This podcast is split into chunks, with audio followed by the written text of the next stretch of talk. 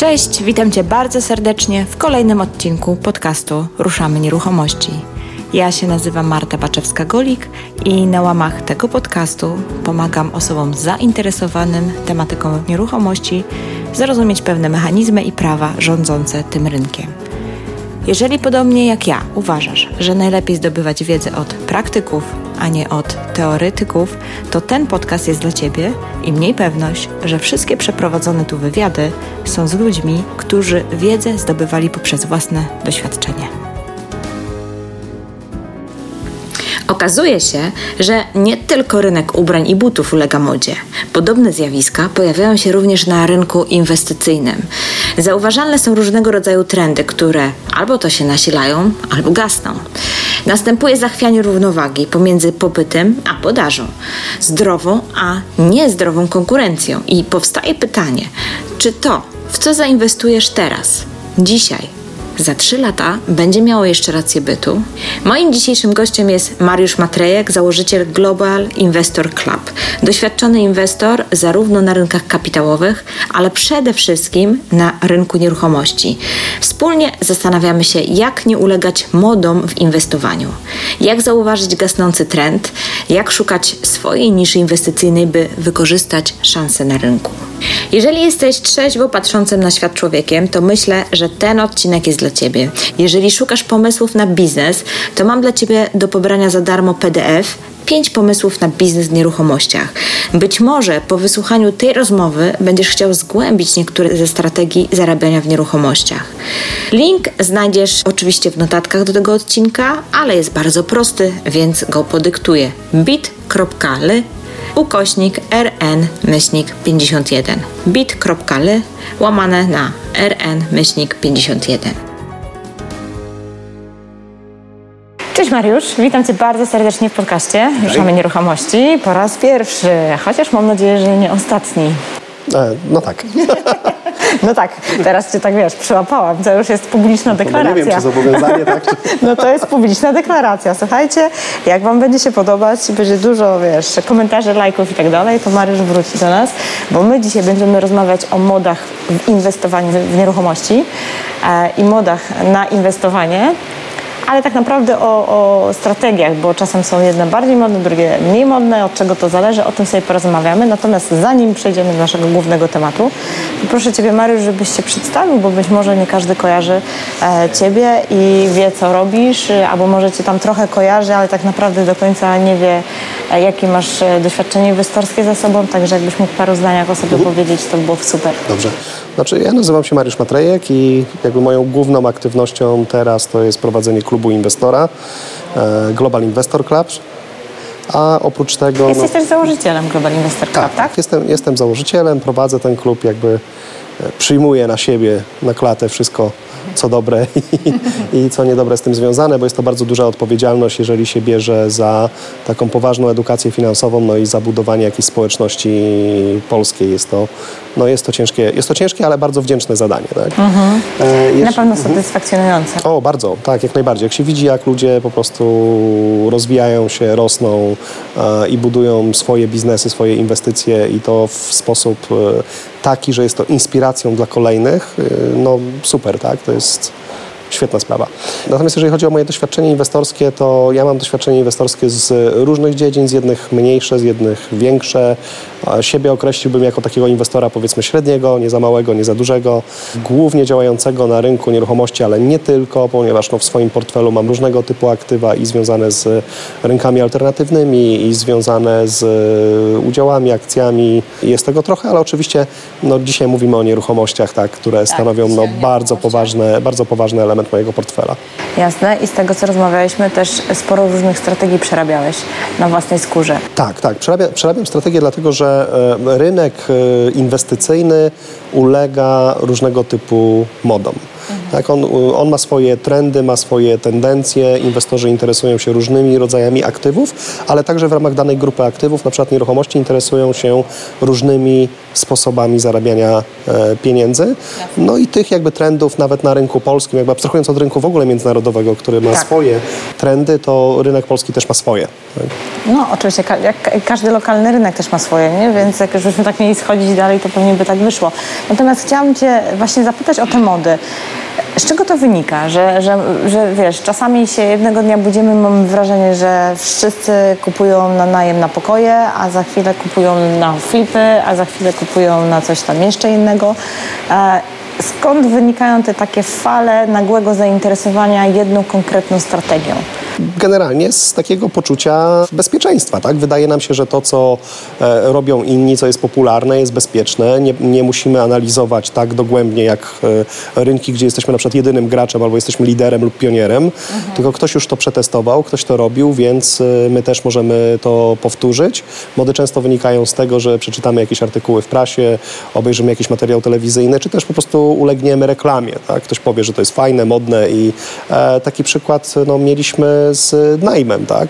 Gdzie parę lat temu no, najem był taką koncepcją, żeby w nią uderzyć, ruszyć, zrobić te portfele mieszkań na wynajem. Bardzo dużo osób no, nie liczyło tego, że tak naprawdę, żeby uzyskać odpowiednią skalę dochodu, używając na przykład do tego finansowania zewnętrznego jak kredyty, no istnieje masa ograniczeń, tak? od ilości kredytów poprzez problemy z zarządzaniem tym kredytem, na przykład kredytem walutowym Tak. we franku, tak? Do, e, do takich rzeczy jak liczba problemów, dlatego że im większa skala, tym, ta, tym część problemów się zmniejsza, ale część problemów dopiero powstaje, o Powstanie. których jak zaczynasz inwestować, to o o tym nie wiesz, no bo powiedzmy szczerze, jeżeli nie jesteś w Global Investor Club, to kto ma ci powiedzieć, tak jak będzie za kilka lat. E, I takich, takich mód było sporo. One, one się też, wiesz, biorą z raz, że z tego, co na rynku jest aktualnie popularne, e, gdzie idzie promocja, bo za tym idzie promocja, tak? Nie oszukujmy się, że są najczęściej firmy szkoleniowe, które po prostu drive'ują pewien rodzaj sposobu inwestowania. Czy jest to dobrze, czy źle, to nie wnikam, tak? Bo to jest, wiesz, fajne w ogóle, że ludzie, że ludzie inwestują i na tym zarabiają. Natomiast e, też e, te tendencje są na przykład e, pod kątem podatkowym, tak? Jeżeli masz rozwiązania prawne, kiedyś była taka ulga związana z wynajmem.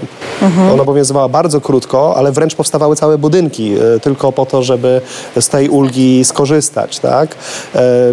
Była kwestia, no teraz się jakby to przycichła, tak? Obrotu gruntami rolnymi, gdzie była bardzo, bardzo popularna tendencja do tego, że w Polsce będzie urban sprawl, aczkolwiek no, jesteśmy jedynym krajem, który ja znam, który miał reverse urban sprawl, to znaczy najpierw wybudowaliśmy osiedla, a potem dociągnęliśmy infrastrukturę, tak? Na świecie to wyglądało trochę odwrotnie. Najpierw była infrastruktura, dopiero potem powstawały e, osiedla. Ten, ten trend też już się e, u nas zakończył, albo może nie tyle zakończył, co się zweryfikował, czyli e, wrócił do takie, te, te mody powodują to, że na koniec tej mody wracamy do normalności.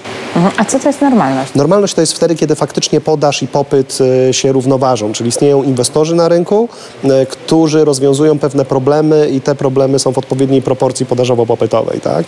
Jeżeli następuje zachwianie, czyli mamy większy, większy popyt niż podaż, teraz odebrałbym, że e, najem na pokoje czy flipy właśnie e, są takimi trendami, no to obserwujemy, że jest po prostu więcej inwestorów niż tak naprawdę zapotrzebowania na pewien rodzaj e, jednostki. Jeżeli chodzi o najem na pokoje, obserwujemy już na przykład w miastach tendencję taką, że minimalna powierzchnia pokoju już nie jest akceptowana przez najemcę, tak? Że ilość osób w danym mieszkaniu. No, Nie ilość już osób w takie na mieszkaniu, przykład ilość łazienek. sześcioosobowe pokoje, mieszkania, e, nie sześcioosobowe, tylko sześciopokojowe mieszkania. Tak, takie takie spędy, jakby hostel- prawie tak, hostele, takie tak? hostele, no już na przykład w Gdańsku studenci bardzo źle już postrzegają. Tak, jest to źle postrzegane i jest to kwestia taka, czy, czy to, co my zrobimy, szczególnie na rynku nieruchomości to jest bardzo ważne, tak? Czy to, co zrobisz teraz, za trzy lata wciąż będzie miało jeszcze rację bytu?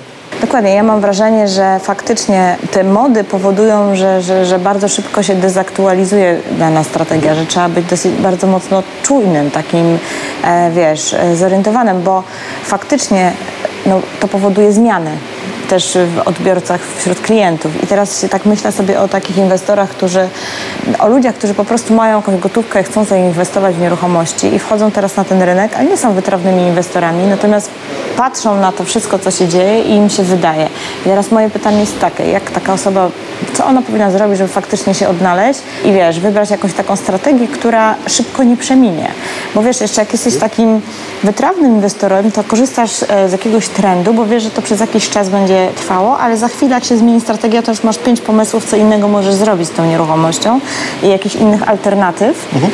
I to nie jest dla ciebie straszne, że na przykład przestanie być popyt na pokoje wiesz o co chodzi, ale jeżeli na przykład jesteś taką osobą, która no po prostu ma jakąś tam nadwyżkę w swoim budżecie i chce ulokować kapitał i gdzieś tam wiesz, naczyta się i, i, i zachłysnie daną modą i jeszcze, nie daj Boże, kupi nieruchomość specjalnie przygotowaną pod taki najem za, i przedpłaci za nią, tak, bo jest policzony E, stopa zwrotu nie wiadomo jaka, ale za dwa lata czy trzy to się już może tak nie wynajmować, to ma problem, bo ona kupi ją zdecydowanie za drogo. I jak, jak po prostu, co byś poradził takim ludziom? Jak, jak mają te informacje w tym szumie odpowiednio selekcjonować? Co, kwestia jest taka, że tak, zawsze y, można powiedzieć, że masz takie trzy grupy inwestorów. Ludzi, którzy idą przed trendami na przykład to tutaj staramy się robić w Global Investor Club, żeby wyprzedzać trochę te trendy i na przykład jeżeli teraz coś jest bardzo popularne, to nas na tym rynku już nie ma. Jak jesteśmy już w rynku, który będzie popularny za dwa lata. Okay. To jest jedna z takich kluczowych aspektów, ale to faktycznie jest dla wytrawnych graczy. Tak. Druga grupa to są te osoby, które faktycznie widzą, że jest taki trend, w niego wchodzą, czyli na przykład teraz robią te mieszkania na pokoje, robią flipy, e, mają problem taki, że oczywiście jest duża konkurencja na rynku, jest jeszcze często rosnący popyt, ale gdzieś widać końcówkę tego popytu, tak? I, tak.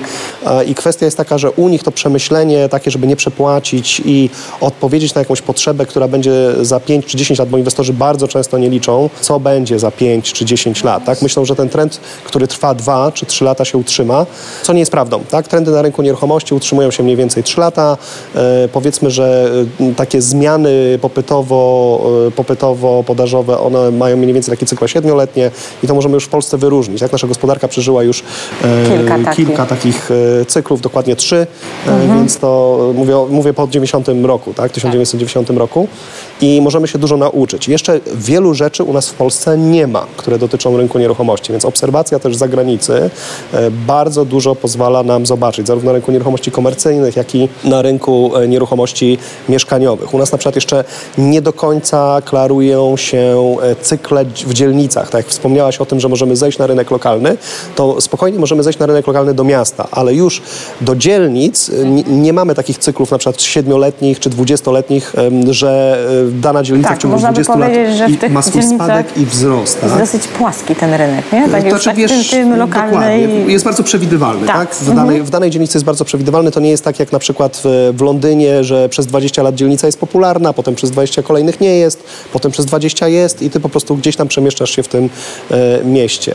No tam e, jeszcze Natomiast... dochodzą te wszystkie kulturowe nacje, które w zależności Oczywiście. gdzie zamieszkują zmiany też, tak dalej. jakby te, ten... I to jest przewidywalne też, nie? Tak, bo na, na rynku nieruchomości pracujemy w bardzo fajnym w bardzo fajnym miejscu, bo to jest dobro powszechne, tak. poza powiedzmy nieruchomościami luksusowymi, tak, czy komercyjnymi, e, jest to dobro powszechne, które jest nam potrzebne. Tak? My potrzebujemy mieć dach nad głową. E, od zamożności społeczeństwa i jakichś trendów też kulturowych zależy, czy będzie to dach nad głową wynajmowany, własny, jakiej to będzie wielkości, jakiego to będzie standardu. Tak. E, I to jest coś, co warto obserwować też na Zachodzie i to robimy na przykład w Global Investor Club, że patrzymy, jakie trendy następowały na Zachodzie, co powodowało na przykład zwiększenie powierzchni mieszkań. Bo nie wiem, czy wiesz, że do 2007 roku w Polsce tendencja była taka, że powierzchnia pojedynczego mieszkania rosła. Mhm. Było to związane też z tym, że lepiej zarabiające osoby dostawały łatwiej środki od banków i tak dalej. Tak? Natomiast po 2007 roku, 2008 rok mamy kryzys, mm, e, rynek na chwilę się zatrzymuje, e, nie wiadomo co się z nim stanie, potem ceny trochę spadają. Co ciekawe, te ceny na przykład spadały w Warszawie o około 20%, a w Toruniu na przykład o 2%. Tak? Także mhm. te kryzysy też wyglądają różnie w różnych miastach, ale efektem kryzysu było, było na przykład nie spadek ceny taki mm, bardzo widoczny, jeżeli chodzi o nieruchomości, tylko bardziej było odpracowanie tej ceny na jakości. Czyli cena została na przykład taka sama, pogorszyła się jakość budownictwa, zmalała średnia liczba metrów na unit, tak, czyli e, na to mieszkanie i to są też takie, takie rzeczy, które należy wyczuwać. Czyli na przykład teraz jakbyś budowała budynek wielomieszkaniowy, to postawiłabyś raczej na e, nieruchomości typu właśnie kawalerki w okolicach tych przepisowych dwupokojowych 25-30 metrów, następnie mieszkania dwupokojowe w okolicach 40-48 e, i gdzieś od powyżej 48 zaczęła być mieszkania trzypokojowe. Przed 2007 rokiem ten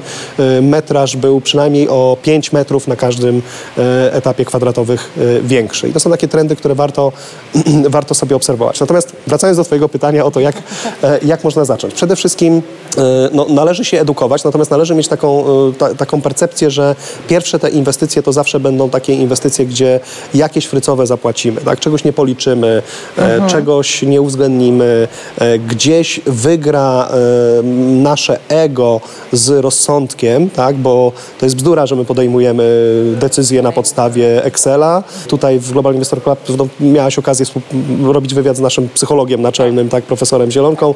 To nie jest tak, że my podejmujemy decyzje na podstawie Excela, nam się tak wydaje, tak? ale bardzo dużo w tych decyzjach ma e, gra nasze, nasze chcenie. Że chcemy przeprowadzić pierwszą inwestycję, akceptujemy pewne, e, pewnego rodzaju ryzyka, e, że jeżeli jesteśmy przekonani, właśnie to jest też duży problem, jeżeli jesteśmy przekonani, że inwestowanie w, we flipy czy w pokoje na wynajem jest dobre, to nikt nas nie przekona co do ryzyk. My nie analizujemy prakty praktyczne ryzyk czegoś takiego, albo każde ryzyka no, uzasadniamy sobie, tak? Znajdujemy odpowiedź na każde ryzyko, bo uważamy, że to jest dobre. Inwestujemy w to po paru latach, okazuje się, że są z tym jakieś e, problemy. Dzisiaj pan profesor mówił, że trzeba do tego zatrudnić kogoś z, nie z zewnątrz, za, z zewnątrz tak. niezaangażowanego, bo faktycznie jak jesteśmy w coś zaangażowani sami, to trudno nam jest e, racjonalnie podjąć decyzję i to prawda. E, tak, i to jest, to jest bardzo ważne, żeby wiesz, pójść do kogoś nawet i zapytać, tak? Zapytać, e, słuchaj, chcę zrobić taką inwestycję, ja uważam, że ona jest dobra, e, natomiast ja wiem, że ja mimo najwyższej swojej oceny co do sposobu analizy i tak dalej, popełniam błąd, bo to ja to oceniam. I czy możesz mi szczerze powiedzieć, czy to, jak, jak ty byś to policzył? Zobacz na mój kosztorys, o czym zapomniałem, tak? I, I niestety nie możesz tego zrobić, e, po prostu nie możesz przyjść do kogoś, kto jest doświadczonym inwestorem, powiedzieć mu, halo, ja zaczynam, tak? I, tak. i chcę. E, I to, co staramy się tutaj zrobić w Global Investor Club, to zrobić, żeby, żebyś znała się na tyle z różnymi osobami, że jeżeli ty przyjdziesz do nich i powiesz, jestem początkującym inwestorem, ale tam w klubie od czasu do czasu działam, chciałbym, żebyś mi pomógł, chciałabym, żebyś mi pomógł, zobaczył przynajmniej, czy mój kosztorys nie zawiera jakichś bzdur, tak? Okay, tak? E, dużo ludzi też sobie nie zdaje sprawy, że na początku płaci, no, nazwijmy to tak zwane frycowe, jeżeli chodzi o nieznajomość stawek, pośredników, notariuszy, Tak, no i w ogóle nieznajomość tak. prawa też. Popełniane są jakieś tam błędy takie podatkowe, zwłaszcza później przy najmach, przy jakichś innych rzeczach i...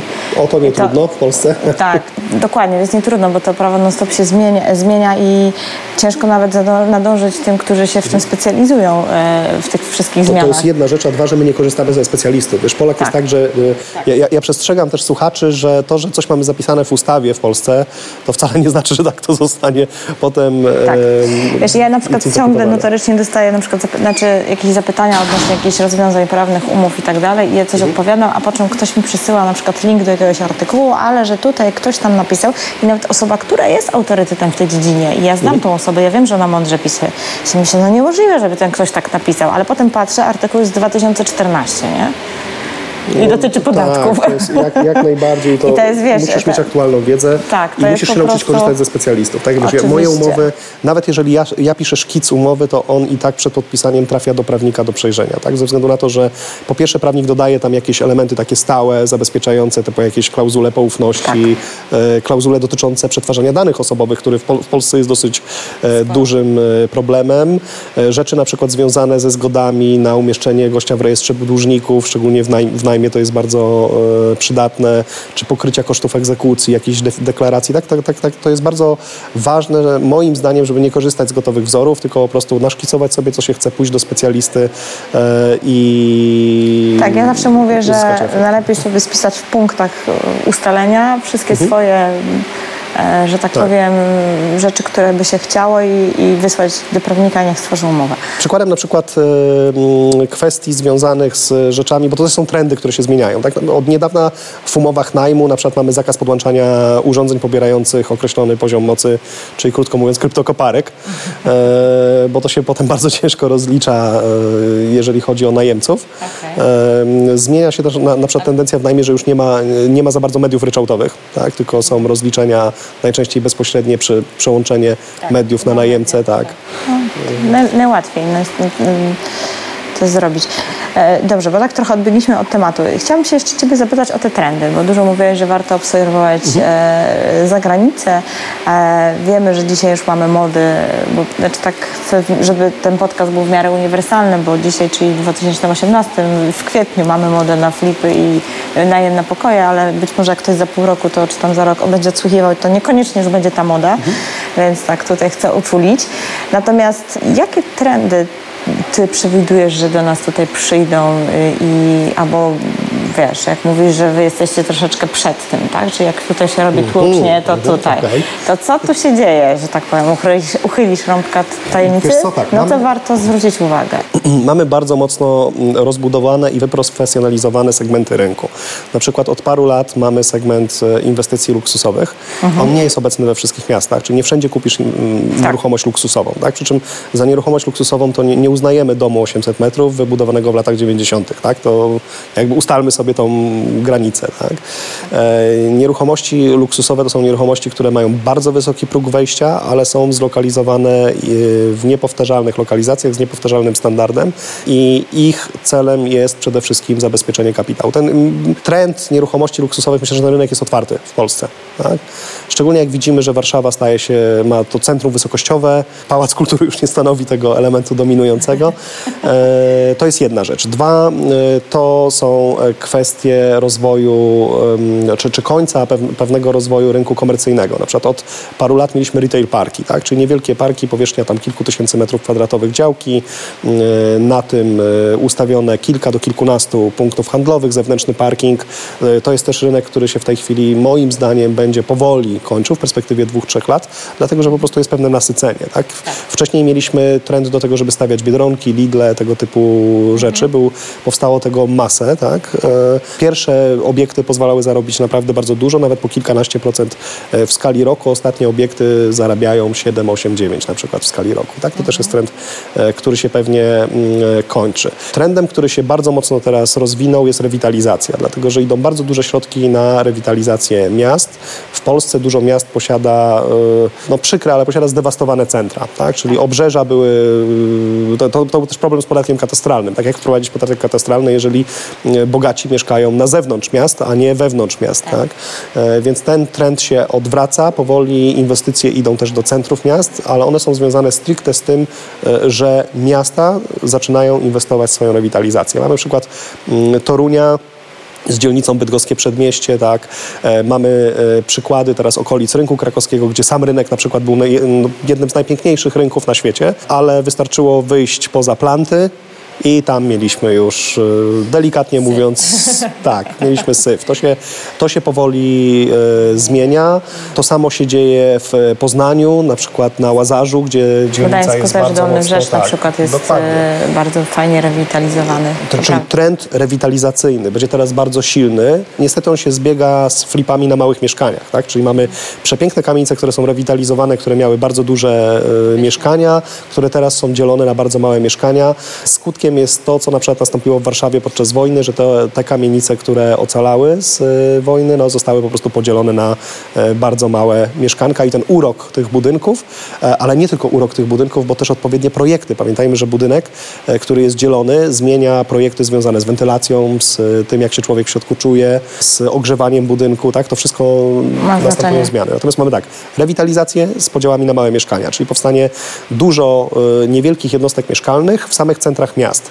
Mhm. Fajne jest też to, że e, jakby zmienił się też trochę trend, e, jeżeli chodzi o lokatorów. Rewitalizacja dzielnic powoduje tak naprawdę, że ci lokatorzy, którzy dewastują najczęściej te lokale, są albo gdzieś przenoszeni przez miasta czy gminy, tak? o, to, no, o tym nie ma, nie ma za głośno, może też lepiej. Natomiast te, te, te budynki się uwalniają. Mamy masę budynków, których udziały mają miasta i miasta nie są w stanie udźwignąć rewitalizacji tych obiektów, więc one naturalnie muszą się tych obiektów wyzbywać. I tak na przykład robi Łódź, która sprzedaje obiekty zastrzegając y, kwestię y, tak. ich rewitalizacji. Tak? Ale w każdym razie ten trend rewitalizacyjny moim zdaniem najbliższe 3 do 5 lat to jest bardzo duży rynek i no, my na tym rynku działamy bardzo mocno. Tak. tak. Cóż jeszcze? Chciałam się zapytać o mikrokawalerki. E, Mikrokawalerki. Wiesz, mikrokawalerki to, są bardzo, to jest bardzo ciekawy temat e, z dosyć dużym ryzykiem prawnym związanym z kategoryzacją danego lokalu. Dlatego, że mikrokawalerki teraz, e, jeżeli mówimy, mamy w tej chwili przepis mówiący, że mieszkanie musi mieć minimum 25 metrów Tak. kwadratowych. E, Wcześniej tego przepisu nie było. Natomiast e, mieszkanie w rozumieniu prawnym w Polsce dotyczy obiektu, który posiada samodzie- samodzielność prawną, czyli na przykład osobną księgę wieczystą. E, Nic nie szkodzi, żeby na jednej księdze wieczystej istniało kilka lokali niewydzielonych, które mm, mogą mieć tak naprawdę mniejszą powierzchnię niż 25 e, metrów. Tak? Albo tutaj, jak rozmawiałam z Tomkiem, Mhm. Lokale komercyjne. lokale komercyjne. Tak. Tak. Drugą rzeczą są lokale komercyjne. Oczywiście mamy inny VAT. Pytanie, gdzie mikrokawalerka w postaci lokalu komercyjnego e, zostanie uznana za działalność hotelową na przykład. Tak? No mamy model kondo, to jest, to jest taka szara strefa prawna moim zdaniem, tak? ponieważ państwo niestety w rozwiązaniach prawnych jest 20 lat za inwestorami. Tak? Czyli inwestorzy wymyślają coś, potem państwo próbuje to mm, Jakoś ująć, uregulować. uregulować. Nie wiadomo po co często, tak? Nie wiadomo po co. Tak, bo już często inwestorów tam nie ma, oni idą w inny trend. I, I teraz zob- zobacz, co masz z mikrokawalerkami. Jeżeli masz mikrokawalerki w budynku, które, jest, e, które są lokalami usługowymi, te mikrokawalerki są we właścicielstwie wielu różnych osób, to tak naprawdę mamy do czynienia z budynkiem z mikrokawalerkami w modelu kondo. Takie coś w systemie prawnym polskim w ogóle nie istnieje, nie jest zdefiniowane. I teraz, jeżeli ktoś ci przyjdzie z urzędu i powie, że to jest działalność hotelowa w modelu kondo, to automatycznie wchodzą innego typu obostrzenia związane z przepisami BHP, przeciwpożarowymi, szerokością korytarzy, wyjść ewakuacyjnych i tak dalej, tak? I to może być coś, co ten rynek dosyć, to jest ryzyko po prostu, tak? E, natomiast z drugiej strony, no faktycznie no, zwroty z czegoś takiego są wyższe i też, no jak patrzymy, akurat Wielka Brytania za czasów Margaret Thatcher jest świetnym przykładem, e, że tam państwo nie szło na przekór rozwiązaniom, które zwiększały liczbę unitów mieszkalnych, szczególnie unitów mieszkalnych, które są niskopowierzchniowe, ale w pełni wyposażone. Tak? Czyli spełniasz swoje wszystkie potrzeby mieszkaniowe, niekoniecznie na dużej powierzchni, ale też dlatego, że na przykład nie jest to, tak jak w Wielkiej Brytanii, twoje główne miejsce zamieszkania. Londyn szczególnie ma bardzo dużo takich em, lokalizacji, nieruchomości, które służą tylko i wyłącznie na czas tygodnia roboczego, a tak naprawdę ten pracownik potem jedzie sobie do swojego domu rodzinnego gdzieś e, poza Londynem. Tak? I, I to też jest trend, który będzie, że niekoniecznie nieruchomość, w której ty przebywasz teraz, na przykład w tygodniu roboczym, jest jedyną nieruchomością, z której ty korzystasz. To jest coś, co dopiero się w Polsce rozwinie, gdzie ty masz inną nieruchomość i to niekoniecznie wakacyjną, tylko na przykład właśnie do przebywania roboczego. Tak? Czyli takie trochę hotel, wracamy do hoteli robotniczych troszkę. Mm, O, no to jest inna rzecz. Wiesz, hotele robotnicze to jeszcze była kwestia zapewnienia tam możliwości wyżywienia, tak, yy, No okej, tego typu no rzeczy. Więc no, to jest ta kategoryzacja tych nieruchomości jest, jest szeroka. Tak, ale jest duże zapotrzebowanie na takie właśnie mieszkanie dla pracownicze, nazwijmy. to. Jest duże, szczególnie jeżeli masz takie bardzo skoncentrowane, duże inwestycje, jak na przykład budowa dróg, czy budowa dużych obiektów, typu na przykład stadion, tak? No to na pewno będziesz miała w danym momencie zapotrzebowanie e, na Tak, ale najem. to też jest krótkie, nie? Mm, Tak, a jeżeli chodzi o właśnie o najem krótkoterminowy, bo to jest inna rzecz, że poza tymi trendami związanymi z flipy, mm, wynajem na pokoje i najem krótkoterminowy jest kolejny trend i tutaj bardzo warto, bardzo uważam, że inwestorzy powinni się przyglądać temu, co na przykład wydarzyło się w Berlinie, czy wydarzyło się w Amsterdamie, gdzie Airbnb zostało zakazane. E, Z tego względu, że e, mamy, miasto pełni kilka funkcji. Tak? Poza tym, że jest turystyczne, e, pełni też funkcje związane z tym, żeby mieć e, pracowników, móc funkcjonować. Tak. E, W Berlinie mieliśmy problem taki, że fajnie brzmi mieliśmy, tak? No ale mówię jako inwestorzy, Tak. że miasto po prostu w mieście zabrakło mieszkań na wynajem. Taki dla Ale pracowników, dla ludzi, którzy dzieje chcą żyć. Włoszech. tak? Barcelona jest chyba kolejna Dokładnie. teraz. Gener- Generalnie stolice mają z tym problem, tak? Tak. Stolice, takie miasta, gdzie się koncentruje biznes. I no jest to problem, w którym tam władze rozwiązały w sposób skrajny, tak? zakazując pewnego typu rozwiązania. No i niestety, ale e, państwa sobie nie radzą ze zjawiskami inwestycyjnymi, z popytem na różnego typu rozwiązania nowatorskie. Tak? No bo tu mamy sharing economy bardzo fajne. Oczywiście inwestorzy poszukują największego zysku. Tak? I ten największy zysk osiągnęli w ten, a nie inny sposób. Moim zdaniem mo- można to było rozwiązać za pomocą wydzielania stref. Czyli na przykład mamy strefę, przyjmujemy plan miejscowy, taki mechanizm planu miejscowego, jak w Polsce działa, gdzie może Airbnb e, funkcjonować, najem krótkoterminowy bez Ja problemu. tak myślę, bo na przykład teraz mm, sobie myślę, że w Gdańsku na przykład będzie powstawać nowe oceanarium. To będzie cały obiekt y, też z taką ala, nazwijmy to tropikalną wyspą i tak dalej, i tak dalej. To jest obok stadionu, który został wybudowany. Tam, tam to jest taka okolica, gdzie jest po prostu pustka. Tam się powoli już zaczynają budować Tak, ale to, jest, ale to jest, wiesz, to jest bardzo ciekawa sprawa, bo to jakby to jest e, mapy satelitarne, mapy, mapy satelitarne mogą Ci w tym pomóc. Jeżeli widzisz, e, pamiętajmy, że zawsze wybudowanie jakiegoś punktu konkretnego z dobrą infrastrukturą spowoduje to, że dookoła zaczną pojawiać się e, budynki mieszkaniowe też e, związane albo z, z No i na przykład przy takich obiektach, no to jest idealnie wydzielić taką strefę pod tego typu biznes, bo, bo przecież tam będzie mnóstwo turystów przyjeżdżać. Tak, oczywiście, ale pamiętaj też, że będziesz miała też lobbying, tak? bo na przykład hote, hotele w swoich ofertach mają też apartamenty z wyposażeniem takim jak apartament przeciętnego inwestora. Oczywiście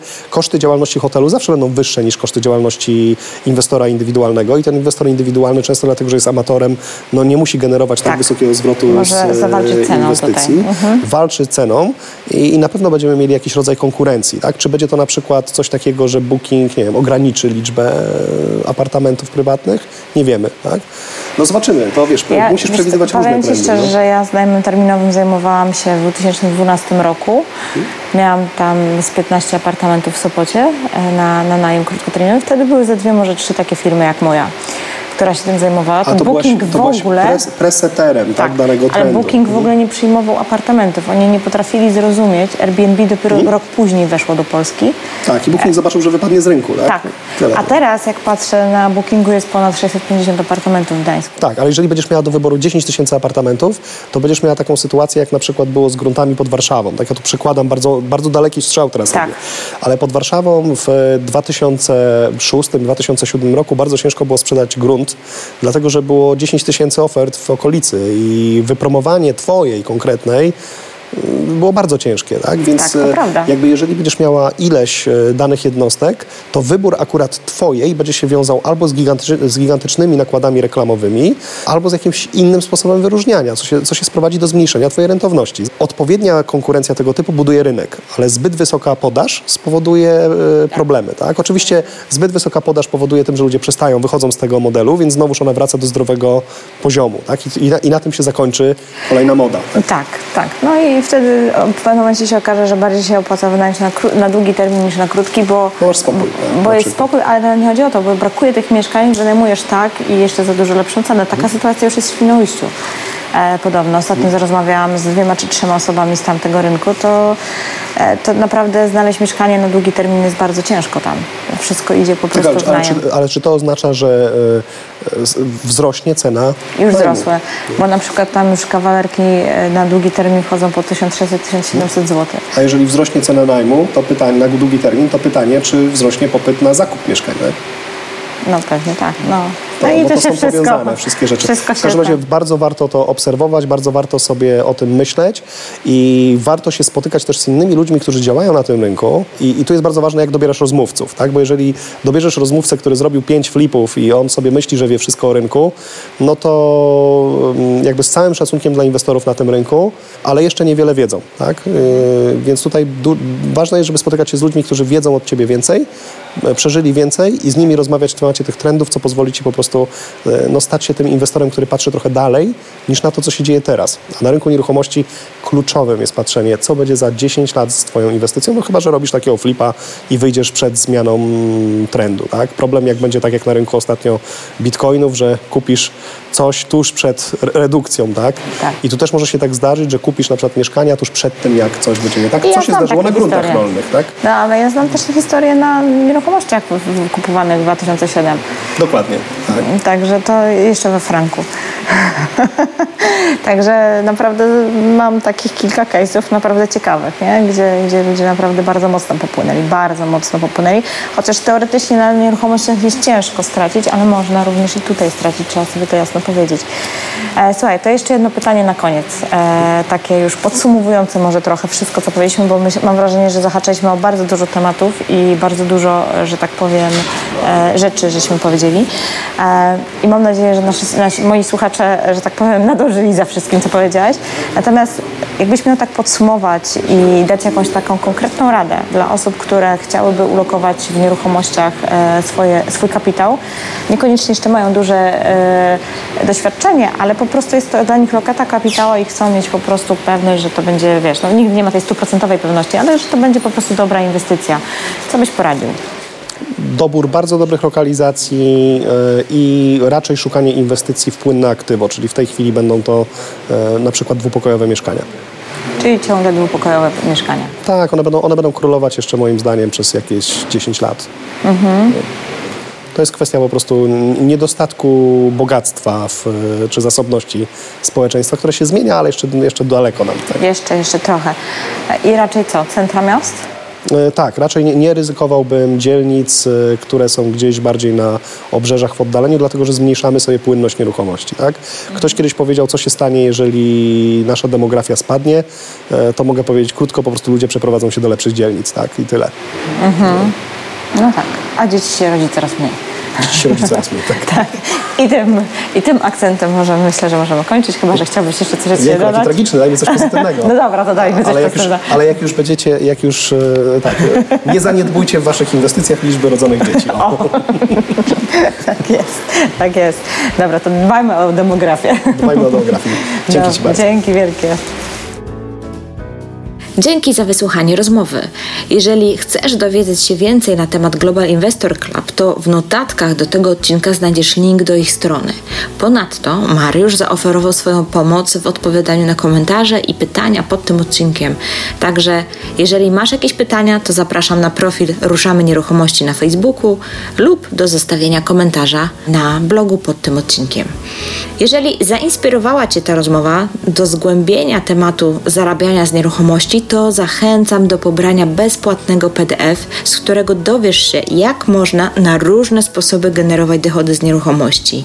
Link do pobrania znajdziesz w notatkach do odcinka, ale jest prosty, więc go powtarzam, bo mówiłam już we wstępie, powtarzam jeszcze raz bit.ly łamane na rn-51.